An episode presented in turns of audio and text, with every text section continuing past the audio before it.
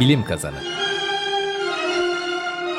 Popüler Bilimin Esnaf Lokantası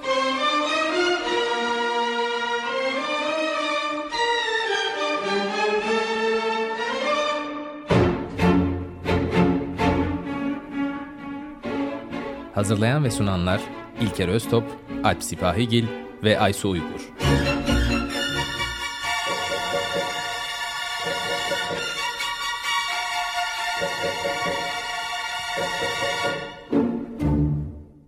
Günler sevgili dinleyiciler. Açık Radyo'da Bilim Kazanı'na hoş geldiniz. Ben Alp. Ben Aysu. Ben İlker. Uzmanımız İlker Öztop'la Ebola hakkında konuşmaya devam edeceğiz. Dinleyenler bilirler. Geçtiğimiz hafta bu konuyu ele almaya başlamıştık ve şu an salgın ne durumda? Bunu konuştuk ve bunun üzerine salgının daha da yaygınlaşmasını önlemek için nasıl tedbirler alınabilir sorusunu ele aldık. Ve İlker'in bize söylediği şekliyle olaya uygulanabilecek e, en basit çözüm insanları e, izole etmek, karantina altına alabilmek, e, hastalık teşhisi konmuş insanları karantina altına alıp bunun yaygınlan, yaygınlaşmasını önleyebileceğimizi söylemişti İlker. İlker bunu sen mi düşündün? Yok hayır. Bu bayağı um, ya bu bayağı aslında mikrobiyal bir hastalığın yani transfer edilen bir hastalığın, bulaşıcı bir hastalığın hangi aracıyla geçtiğini bilinmediği zamanlarda yani hijyen te- şeyinin gerçekleştiği dönemler bunlar 100 150 yıl evvel, 200 yıl evvel zaten böyle şey yapılıyordu, tedavi ediliyordu hastalıklar. Hasta olan karantina altına alınıyordu. Onun vücudunun bağışıklık sisteminin hastalığı yenmesi için ona yardımda bulunuyordu. Bu yani bulaşıcı hastalıklara karşı 150 yıldır yaptığımız şey ve Ebola diye böyle yeniyoruz. En azından virütik olanlar için diyelim. Evet doğru. Ama ama artık bundan başka yöntemler de var. Daha doğrusu geliştirmeye çalışıyoruz aşılar gibi. Evet bu hafta tedavi yöntemi olarak neler kullanılabilir ve önlemeye yönelik e, aşı gibi hangi e, teknikler şu an elimizde mevcut onları konuşacağız. Daha doğrusu İlker bize anlatacak. evet İl, İlker ne durumda yani şu an e, Ebola'ya karşı elimizde bir aşı var mı? Ebola'ya karşı şu anda maymunlar üstünde denenmiş ve bulaşmasını engellediği ispatlanmış aşılar var deneysel aşamada. İnsanlarda denenmemişti hiç. Bu salgın sebebiyle Birleşmiş Milletler ve Uluslararası Dünya Sağlık Örgütü bu ilaçların, deneysel ilaçların Batı Afrika'daki salgının gerçekleştiği ülkelerde başka çaresi kalmamış hastalarda denenmesi için bir şekilde izin verdi. Yani bunu desteklediğini söyledi. Şu anda o faza geçiyoruz. Dünyada farklı farklı yerlerde aşılar geliştiriliyor. Bunların e, deneyleri şu anda bu hastalar üzerinde yapılmaya başlayacak. Burada benim kafam karıştı yalnız. Aşı hastalığa maruz kalmadan yapılan bir önlem değil mi? İki türlü aşı var. E, aşı demeyelim de yani hastalanmadan evvel olunan ve vücudu hastalığa hazırlayan, bulaşıcı hastalık öncesinde tedbir almasını sağlayanlara biz önleyici aşılar diyoruz. Hasta olduktan sonra vücutta virüs ya da e, bulaşıcı hastalığın ajanı dolaşmaya başladığında olduğumuz şeylere de tedavi amaçlı e, iğne diyebiliriz. E, bunları anlatmadan evvel yalnız şu anda ikisi içinde çalışmalar devam ediyor. Virüsle ilgili ben biraz kendi bilgim olan moleküler yapısıyla ilgili bir şeyler anlatmak istiyorum. Çünkü aşıların hangi virüsün hangi bölgesini hedeflediğini bu şekilde anlatabileceğim size. Geçen bölümde de çok kısa bahsetmiştim. Ebola bir RNA virüsü. Tek zincirli. Negatif e, şey deniyor. Negatif zincir deniyor. Bunun anlamı Ebola'nın genetik materyali aslında bulaşıcı değil. Ebola'nın genetik materyali anca bir hücreye girdikten sonra kendini çoğalttıktan sonra protein yapmaya başladığında e, bulaşıcı hale geliyor, enfektif hale geliyor. Bu yüzden mesela sadece Ebola'nın bir RNA'sını ben elimin üstüne koysam, ağzımın içine koysam yaparım yani içerim. Su, su içer gibi, radyasyonlu çay içer gibi bunu yaparım. Hiç de bir şey olmaz. Ebola 19 bin nükleotide sahip bir şey var. RNA genomuna sahip. Bu size bir şey ifade etmesi için şöyle kıyaslayabiliriz. İnsanların belki biliyorsunuzdur 3 milyar baz var genomunda. Biz DNA ya, e, yapısında bir DNA, şeye sahibiz, genoma sahibiz. Ebola'nın 19 bin tane nükleotidi var sadece. Bunlarda sadece 7 tane protein kodluyor. 7 protein ifade ediliyor. İnsanlarda 30 ila 50 bin arasında bir sayı. Sadece 7 protein ifade ederek Ebola sistemik bir enfeksiyona sebep oluyor. iç kanamaya sebep oluyor. Kusmalar, bilmem neler, diyare. Bizi sadece 7 proteini ele geçirebiliyor. Bu bayağı şaşırtıcı ya. Bu kadar hassas mı bizim yapımız? İki proteine gidecek kadar. İş öyle değil. Virüsler çok komplike olduğu için aslında. Yani 7 rakam olarak küçük evet ama insan vücudunda mesela bir proteinin bir özelliği varsa virüslerde çoğunlukla bir proteinin 10 tane farklı özelliği oluyor. 10 tane farklı fonksiyonu yerine getiriyor. Ebola'da da böyle. Yapısal proteinler yani mesela virüsü oluşturan, virüsün genetik materyalini sarıp sarmalayan proteinlerin aynı zamanda bağışıklık sistemini çökertmek gibi ikinci, üçüncü özellikleri de var. Bunu aşı konusunda bu çok önemli aslında. Onu da anlatmak istiyordum zaten.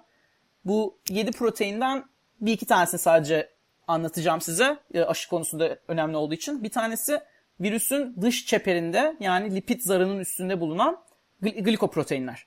Bunları şey gibi düşünebilirsiniz. Hücrelerin üzerindeki antene yollanan sinyaller gibi düşünebilirsiniz. Yani bu virüsün üstündeki kancanın gidip ona ait olan hücrenin üzerindeki öbür kancaya takılması gerekiyor ki hücreyi tanısın ve içine girebilsin. Yani virüs bir kapsül gibi düşün.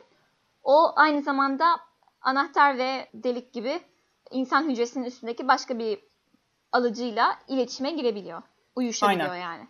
Ve şeyi de bu belirliyor zaten. O alıcı hangi hücre tipinde varsa insan vücudunda sadece o hücre tipi enfekte oluyor. Yani mesela benim beynimdeki hücrelerde o antenden yoksa Ebola beynimdeki hücreleri enfekte edemiyor. Ama karaciğerimdeki, lenflerimdeki e, monositler, makrofajlar geçen sefer söylemiştim. Bağışıklık sisteminin hücrelerinde bu reseptörler, bu antenler olduğu için Ebola'nın hedeflediği, Ebola'nın ilk enfekte ettiği hücreler bunlar. Bu glikoprotein o yüzden bir virüsün enfeksiyonundaki ilk aşama olduğu için genelde aşıların hedeflediği şey bu. O proteinin e, kontağa geçmesi durdurulursa virüsün hücreye girmesi engelleniyor. Bu o yüzden çok kullanılan bir yöntem. Aşılar bunu ger- nasıl gerçekleştirebiliyor? Biz Ebola için bu antenin atomik şeyini biliyoruz. e, yapısını biliyoruz.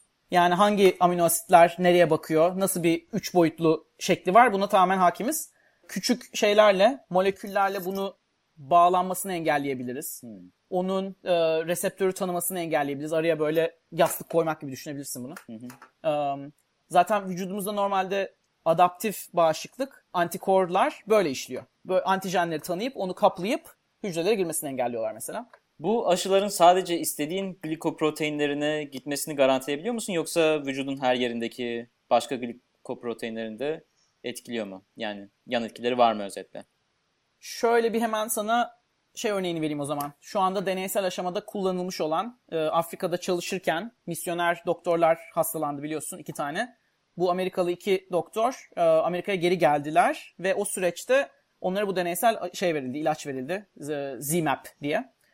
ZMapp'in çalışma prensibi zaten Ebola normalde anlattığım gibi ya yarasaları enfekte ediyor. Rezervuar olarak zaten doğada sürekli yarasalarda bulunan bir virüs bu. Onları hasta etmeden onların vücudunda kalabiliyor. Ya da bizi ya da diğer primatları enfekte ediyor. Domuzları da enfekte edebiliyor. Ama onlar da hastalığa sebep oluyor. Bizim vücudumuzda o yüzden virüse karşı antikor gelişiyor. Laboratuvar ortamında Ebola fareleri enfekte edebilecek hale getirildi, evrimleştirildi. Bunun sonucunda farelerin vücudunda Ebola'yı tanıyan antikorlar üretildi. Ve Ebola'nın nasıl nötralize edildiği yani hastalığı durdurabilen antikorlar bu şekilde keşfedildi. Aşı yapımı için bu ZMapp adlı aşının yapımında bu antikorların yapısı öğrenildi detaylı bir şekilde. Ve bu antikorları üretecek olan gen genetik mühendislik sayesinde bitkileri enfekte eden bir virüsün içine yerleştirildi. Bu bitkileri enfekte eden virüs bitki- bitkileri çok daha iyi enfekte eden bir bakteriye yerleştirildi. O bakteriyle de tütünler enfekte edildi. Maşallah. Ve Vay be. ne yaptın? şeylerde Takdire e, şayan gerçekten. bitki şeylerinde, tarlalarında, tütün tarlalarında bu antikorlar üretiliyor şeylerin içinde, tütün yapraklarının içinde. Ve bu antikor aslında bitkinin içinde olmaması gereken Ebola'nın glikoproteinini tanıyan ve aslında farenin içinde geliştirilmiş bir protein.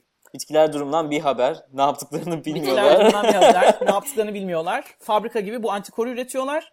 İnsanlar o bitkiden o şeyi ekstrakt ediyor, izole ediyor ve biriktirilmiş, konsantre edilmiş haliyle de ilaç olarak bu iki Amerikalıya verildi. Bunu şey için söylemek istedim. Genetiği değiştirilmiş organizmalar da bunlar. Ya bunlar da genetiği de- değiştirilmiş organizma. Evet güzel bir nokta İlker. bir de bizi büyülemiş de oldum bunu söyleyerek. Yani bahsettiğim bu çok adımlı mühendislik diyebiliriz artık herhalde. Genetik Evet, mühendislik e, gerçekten oldukça etkileyici. Bu arada bir şey eklemek istiyorum. Bu e, bitkilere verilen ya bitkilerin içerisinde insan proteinleri veya fare proteinleri üretildiği zaman çünkü e, insülin gibi diyabet hastalarının kullandığı e, rekombinant proteinler de sanıyorum onlar da bitkiler için bitkiler içerisinde üretilebiliyor. bu tür tarlalar yapıldığı zaman e, yine bunu kontrol etmek için konulan bazı kurallar var. Mesela bu tarlaların yemek yani yemek amaçlı bitki yetiştirilen tarlalardan belli bir e, uzaklıkta olması lazım, izole Evet. olması lazım ki bu bitkilerden herhangi birinin tohumu yine insanların e, yedikleri tarlalara e, bulaşmasın diye. Çok güzel söyledin. Yani genetiği, e, genetik mühendislik sadece gözü kapalı bir şekilde aklımıza gelen her şeyi yaptığımız bir şey değil. Bunun nasıl regüle edilmesiyle ilgili ekolojiyi değiştirmeyecek şekilde hem bizim çalıştığımız sistemin kendi içinde tutarlılığını sağlamak hem de çevreye bunun yayılmasını engellemek üzere zaten koruma önlemleri alınarak yapılıyor. Tabii ki de öğreniyoruz bunu yaparak ama şu anda şey aşamasında yani ilaç geliştirilecek e, kapasitede bunu uygulayabiliyoruz. Evet, bir problemi çözerken başka problem yaratmamak gayet mantıklı.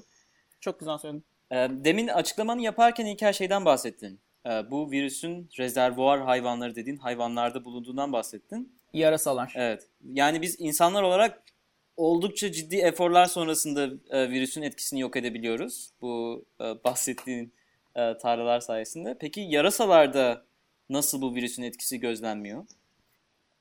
Alpçim, her derdin dermanı zaman.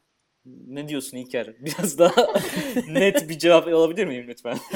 Yarasaların, yarasaların Ebola ile enfekte olmaya olmalarına rağmen semptomatik enfeksiyon geçirmemelerinin sebebi evrim. Çünkü Ebola ile o kadar uzun zamandır enfekte oluyorlar ve birlikte yaşıyorlar ki artık ikisi birbirine adapte olmuş. Ebola yarasaların vücudunda şeye sebep olmadan, inflamasyona sebep olmadan, yarasayı hasta etmeden var olabiliyor. Yüksek şeylerde kanında dolaşabiliyor. Yarasa da vücudunda onu taşıyor ve ondan hastalanmıyor. Ama bu sebeple de artık bir taşıyıcı. Yani biz de insanlar olarak şu anda evet ölüyoruz. Çünkü Ebola ile birlikte evrimleşmedik. Ama bir yüz bin sene, bir, bir milyon sene geçtiğinde biz de Ebola'yı aslında vücudumuza taşıyor olabiliriz ve şey olmayacak bu. Ee, zaten bu arada şey diye söyledim. ilk salgın, geçtiğimiz bölümde söylemiştim bunu. 1976'da dedim. Fakat Ebola'nın dahil olduğu filovirüs ailesinin memelileri 10 milyon yıldan daha fazladır enfekte ettiği ile ilgili elimizde genetik sekans bilgisi var. Yani bu Ebola sadece insanları enfekte eden haline gelmesi geçtiğimiz 40 yıl içinde oldu evet. Ama Ebola'nın Ebola olana kadar geçirdiği evrim zaten memelilerin enfekte ederek 10 milyon senedir var. Bu arada bir şey eklemek istiyorum. Yarasalarda gerçekten kuduzdan Ebola'ya e, birçok virüs barınabiliyor. Doğada bir yarasa ölüsü bulursanız aman yarasa ölüsü buldum diye camınıza asmayın. Yani e, çocuklar bahçede tarlada yakaladıklarında dikkat edilmesi gereken e, aşılarının yapılması gereken bir durum. Hatta burada şey de söyleyeyim. HIV içinde yani HIV içinde e, maymunlardan, primatlardan geçtiğini biliyoruz. Yarasalardan geçtiğini biliyoruz Ebola'nın durumunda. Ama ne oluyor da geçiyor diye merak ediyor olabilirsiniz. O da şu Afrika'daki bölgelerde özellikle kasabalarda şeyden şehirden uzak yerlerde yarasa eti de maymun eti de av eti olarak görülüyor. Yakalandığında parçalanıp bunu yiyorlar, pişirip yiyorlar. Bu aşamada zaten e, enfekte olmuş hayvanın kanıyla temasa geçtikleri için enfeksiyon olduğu düşünülüyor. Burada yarasa eti de olabilir veya yarasa ile etkileşime geçmiş başka bir hayvanın eti de. Evet. Aynı şey de mümkün hatta. Yarasa dışkısında da virüs bulunabiliyor. Yani yarasanın dışkısını bıraktığı bir meyveyi de mesela temizlemeden yerseniz ağzınızda bir yara varsa muk mukozul şeyle, mukus aracılığıyla geçmesi mümkün. Bu arada radyolarını yeni açan dinleyicilere de hatırlatalım. Bilim Kazanı programında e, Ebola hastalığının tedavisini tartışıyoruz. Geçen programda aslında bunun daha çok halk sağlığı yönüne değinmiştik ve www.bilimkazanı.org sitesinden geçen haftaki kaydımıza da ulaşabilirsiniz.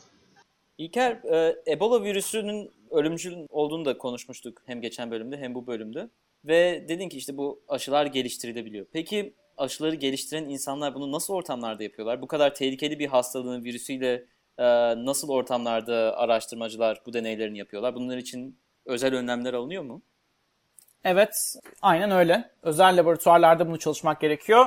Ve dünya üzerinde şu anda e, sanırım 50 civarında BL4 diye bir şifreleme var. İsmi öyle geçiyor. Biyogüvenlik derecesi 4 anlamında bu. Birden 4'e kadar gidiyor. Sadece bu e, laboratuvarlarda çalışabiliyorsun Ebola'yı. Bu laboratuvarın özelliği hem laboratuvar ortamı negatif basınç altında tutuluyor dışarıya göre. Ya burada kastın şey, kapıyı açtığımda hava laboratuvardan dışarı gitmeyecek. Çünkü eğer öyle bir şey olursa Aynen. dışarıya bu virüsleri yaymış oluruz. Negatifle basınçla kastı şu, laboratuvarın kapısını açtığında sadece dışarıdan laboratuvara hava akıyor. Evet çok güzel. Ve Ebola gibi elimizde henüz aşısı olmayan ve çok ölümcül olduğunu bildiğimiz virüsler içinde sadece ortamın basıncını kontrol etmekle durmuyoruz. Çalışan insanın da korunmasını e, sağlamak için pozitif basınçlı bu sefer tamamen kapatılmış, izole edilmiş giysiler var. E, bütün vücudu kaplayan, kendi içinde e, havalandırması olan. Yani aynı şeyi söylüyorum.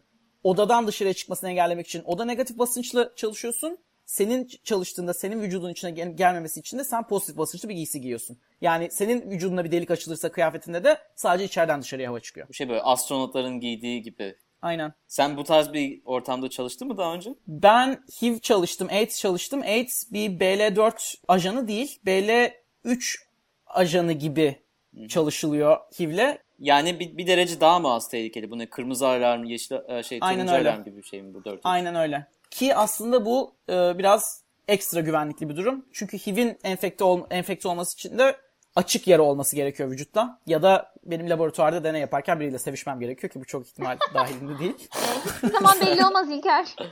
Böyle şeyleri öngöremezsin. Bilim sürprizleri açık. Doktora özellikle.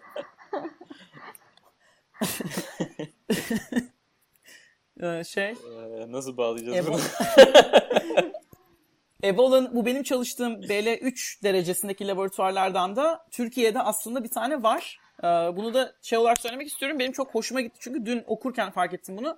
Erciyes Üniversitesi'nde Kayseri'de Doktor Aykut, Özdarendeli Kırım Kongo kanamalı ateşi ne sebep olan hastalığı çalışıyor. E, Keneleri orada çalışıyor. Ve hatta sanırım aşı geliştirme aşamasında şu noktada. Buradan da kendisine tebriklerimi yolluyorum. Türkiye'deki tek BL3 laboratuvarı bu arada. Bu bahsettiğimiz önlemler alınması çok kolay olan önlemler değil. Hatta Değil kesinlikle. yani ufak bir hata e, ciddi bir soruna yol açabilir. O yüzden birçok koruma evresi oluyor. Dediğin gibi hem insanların giydiği kıyafetlerde önlem alınıyor hem laboratuvarın basıncında önlem alınıyor. Yani birçok seviyeli koruma var. Evet. Özellikle Amerikan basınında bu son zamanlarda e, öne çıktı. Yanılmıyorsam bu BSL 4 seviyesinde e, en üst seviyede güvenlik önlemi olan laboratuvarlardan bir tanesinde smallpox yani çocuk felçine sebep olan virüs sen bana bunu demin anlattın aslında e, raflardan bir tanesinde bulundu. O yüzden şey Amerikan medyasında bu laboratuvarlar tartışmaya açılmaya başlandı. Çünkü insanlar e, ya bu dışarı çıkarsa ne olur tarzı sorular e, sormaya başladılar. Ancak şunu söylememiz lazım herhalde. Hani bir hata yapılsa bile çok seviyeli önlemler alındığı sürece e, bunların dışarıya sızması önlenebiliyor ve bu son Ebola salgını da bize gösteriyor ki bu tarz araştırmaların devam etmesi gerekiyor. Tabii kesinlikle. Yani bu demin anlattığım aşı e, şu anda şeyde olan, deneysel aşamada olan ve Afrika'da kullanılmaya başlayacak olan birkaç aşıdan bir tanesi ve bunlar Ebola'ya karşı geliştiriliyor. Bunların hepsinin BL4 aşamasındaki şeylerde, laboratuvarlarda çalışıldı bunlar. Yani biz bu laboratuvarları kurup bunların güvenliğini sağlamlaştırmaya devam etmezsek bu ve bunun gibi hastalıklar ileride çıktığında ki hayvanlarla birlikte yaşıyoruz. Şu anda biz dünyadaki bütün virüsleri bilmiyoruz ve evrimsel süreçte daha başka virüslerin de zoonoz yoluyla hayvanlardan insanlara geçme ihtimali var. Buna hazırlıklı olmamız gerek. O yüzden bu tür laboratuvarların çok sağlam güvenlik önlemleri alınarak tabii ki de e, çalışmaya devam edilmesi lazım. Burada bir tek şeyi hatırlatmak istiyorum. Bunu sanırım bir arkadaşım sormuştu. Şu anda tam hatırlayamadım. Neden bu kadar geciktik Ebola'ya tepki vermekte? Neden Ebola aşısı yok? Yani 40 sene evvel ilk defa ortaya çıkmış bir salgın. Neden aşı ilk defa çıkıyor? Burada çok aslında pratik sebepler de var. Şeylerle diğer bulaşıcı hastalıklarla kıyaslandığında Ebola aslında evet bizim tahayyülümüzde çok korkunç bir şey gibi gözüküyor. Çok insanı öldürüyor gibi gözüküyor. Daha doğrusu çok ölümcül bir virüs. Ama çok insanı öldürmedi. Yani bu tabii ki de insan hayatını biri sayı olarak birinden daha az birinden daha çok değerli anlamda söylemiyorum. Ama bütün dünyayı etkileyecek şekilde bir HIV gibi olsun. Mesela 20 milyon insanın öldüğü ya da bir kanser gibi olsun, bir kızamık gibi olsun. Gene 20 milyonlardan 15 milyonlardan bahsediyoruz, 10 milyonlardan bahsediyoruz. Bu sayıda insanları hasta etmediği için Ebola çalışmak birincil şey değildi ve şimdi konuştuğumuz BL4 seviyesinde laboratuvarlar gerektirdiği için kolay da çalışılamıyor zaten. Tabii ki ne kadar insanı öldürdüğü e, bilimsel olarak ilginç olup olmamasını belirleyen bir şey değil. Yani çok insanı öldürmedi Ebola diye bilimsel olarak e, çalışmaya değer mi değmez mi'nin cevabını vermez bu. Ama genel olarak tabii ki akademik araştırmalarda fon alırken insanlar fon başvurularına bakın işte şu hastalık bu kadar kişiyi öldürüyor, şöyle bir sağlık tehlikesi arz ediyor şeklinde yazıp para aldıkları için Ebola'nın önceliği her zaman düşük olmuştu genel olarak akademik araştırmalarda. Burada şöyle üzücü bir gerçekçi bir sebep de olabilir tabii. Ebola hastalığı dünyanın her yerinde özellikle bu araştırmaların yapıldığı yerlerde yaygın olan bir hastalık değil. Değil doğru söylüyorsun. Bu hastalık daha çok yani şu ana kadar ki vakaların çok büyük çoğunluğu e, Afrika kıtasında oldu. Ve bu araştırmaların yapıldığı ülkelerde motivasyon da bu sebepten dolayı biraz daha az oluyor da olabilir. Yani kendi ülkelerinde 4000, 5000 kişinin ölmesine sebep veren bir hastalık olsaydı belki bu fonlar daha da e, çok olabilirdi. Yok evet. Ben ilk uyandığımda yarın beni aşısı olmayan bir şey enfekte edecek diye uyanırsam ona karşı elimden geleni alelacele yapmaya çalışırım. Bu beni direkt enfekte etmiyorsa o kadar aktif bir şekilde uğraşmıyor olabilirim. Fakat e, hem geçen bölümde konuştuk hem bu bölümde konuştuk. Şu andaki aşı çalışmaları uluslararası seviyede yürüyor. Kanada'dan bir aşı geliştiriliyor, Japonya'da bir aşı geliştiriliyor, Rusya'da bir aşı geliştiriliyor. Birleşmiş Milletler bütün Birleşmiş Milletler üyelerini bağlayan bir karar aldı. Herkesin halk sağlığı konusunda Batı Afrika'daki bu salgını durdurmak için birlikte çalışması konusunda. Şu anda daha iyiye gidiyor gibi duruyor koordinasyon. Ama tabii ki bu özellikle salgın hastalıklarda sonsuza kadar bir hastalık kendi bulunduğu lokal çevrede hapsolmuş şekilde kalmıyor. Yani hayvanlar, işte Tabii kuş, ki. kuşların göç yolları olsun, salgın hastalıkların dünya üzerinde yayılma hızını her zaman kestiremiyoruz. Hangi hayvanın nereye gittiğini anlayamadığımız gibi. O yüzden sağlık eforlarının global bir şekilde sarf edilmesi de çok önemli. Tabii aynısı HIV'de oldu zaten. İlk başladığında Afrika'da aslında ölümler oluyordu. Fakat bunun dünya kamuoyunun farkına varması ancak Amerika'daki 1980'lerdeki salgınla başladı. Evet. Burada az önce sayılardan da bahsettik. Bunun araştırma laboratuvarlarında devletlerin veya üniversiteler bazında yapılmasının bir diğer sebebi de ilaç şirketlerinin konuyu ele almaması. Ee, Çünkü yeterince büyük bir piyasa yok bunun için. Şu an hastalığa sahip olan insanların sayısı da 5000 10 bin gibi. O yüzden ilaç şirketleri, büyük ilaç şirketleri de bu yönde henüz bir araştırma yapmıyor ve araştırmalar devlet kurumlarına kalmış durum. Evet yani şu anda bir iki aşıyı özel şirketler yapıyor aslında. GlaxoSmithKline'ın bir deneysel aşı, aşısı var. TMK diye başka bir gene özel bir enstitünün aşı çalışmaları var. Bir de Amerika'daki salgın durdurma ve engelleme kurumunun öngörüleri doğrultusunda önümüzdeki birkaç ay içinde yüz binleri bulma ihtimali var. O yüzden şu anda çok koordine bir şekilde aşı şeyleri başladı. Evet. Ee, hem aşı hem ilaç, e, iğne. Programı e, bitirmeden önce İlker bayağı kötümser bir hava verdik şu son sayılarla, yüz binlerle. Sana şeyi sorayım da e, dinleyicilerimizi biraz rahatlatayım. Peki bu tehlike Türkiye açısından ne kadar büyük bir tehlike? Ve Türkiye'deki dinleyicilerimiz bundan ne kadar korkmalılar? Türkiye'dekilerin korkması şöyle yersiz. Ebola'yı ölümcül yapan şey Ebola'nın e, Ebola'ya içkin olan e, korkunçluğu değil. Ebola ile enfekte olmuş insanların teşhisinde ve tecritinde karantinaya alınmasındaki yavaşlık ve koordine olmayan halk sağlığı eforları, e, çalışmaları. Eğer e, semptomları gösteren bir hasta Türkiye'de de olsa, nerede de olsa ilk aşamalarda doktor kontrolüne girerse, karantinaya alınırsa, e, akrabaların arkadaşlarına geçmesi engellenirse tek tük şeylerin, enfeksiyonların salgına dönüşmesini engellemek çok kolay. Hatta şu andaki salgın Batı Afrika'yı kasıp kavuran salgın Nijerya'da ve Senegal'le de sıçradı. Fakat orada toplam e, 20 veya 21 şey oldu, hastalık oldu ve en son teşhisler yaklaşık bir ay evveldi. Yani direkt orada durdurmayı başardılar. Tek önemli olan şey hazırlıklı olmak, hemen teşhis yapabilmek ve ardından karantinayı hemen gerçekleştirmek. İlker yine e, programı bitirmeden bir şey daha sormak istiyorum. Geçen bölüm yine tartıştığımız bir şey ama bu bölümde tekrarlayalım. Ebola'nın e, solunum yolları, üst solunum yolları hastalığı olmadığı için hava yoluyla geçmediğini biliyoruz. Yani otobüste e, bu adam Ebolalı'ya benziyordu. Ben bunun dokunduğu e, direğe dokunmam, işte e, şuraya elimi sürmem gibi paranoyaklıklara çok fazla girmememiz lazım değil mi? Çünkü daha zor yayıl, yayılan bir hastalık. Kesinlikle öyle. Yani şey yapmadığı sürece gözlerinden akan kanı şeylere sürmediği sürece, koltuklarına bulaştırmadığı sürmediği sürece e, bir sorun olmaması lazım. Sözüm söz. Bir sıkıntı çıkarsa bana sana gelsin. O zaman İlker'cim çok teşekkür ediyoruz. Tekrar bu Ben haftada teşekkür ederim. e, çok güzel anlattın bizlere Ebola ile ilgili bilinmeyen gerçekleri. Haddime olmayan şeyler konuştum. Umarım eksik anlatmamışımdır. Bir hatamız varsa e, İlker'i arayın. Sürçü lisan ettiysem affola. O zaman e, bize ulaşabileceğiniz adres www.bilimkazani.org.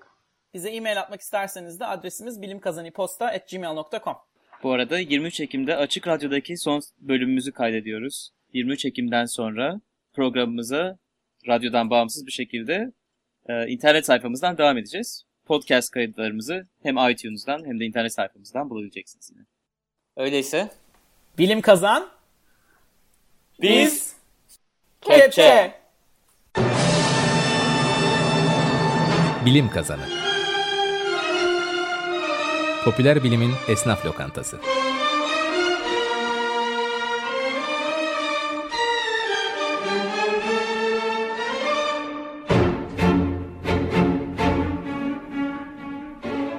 Hazırlayan ve sunanlar İlker Öztop, Alp Sipahigil ve Aysu Uygur.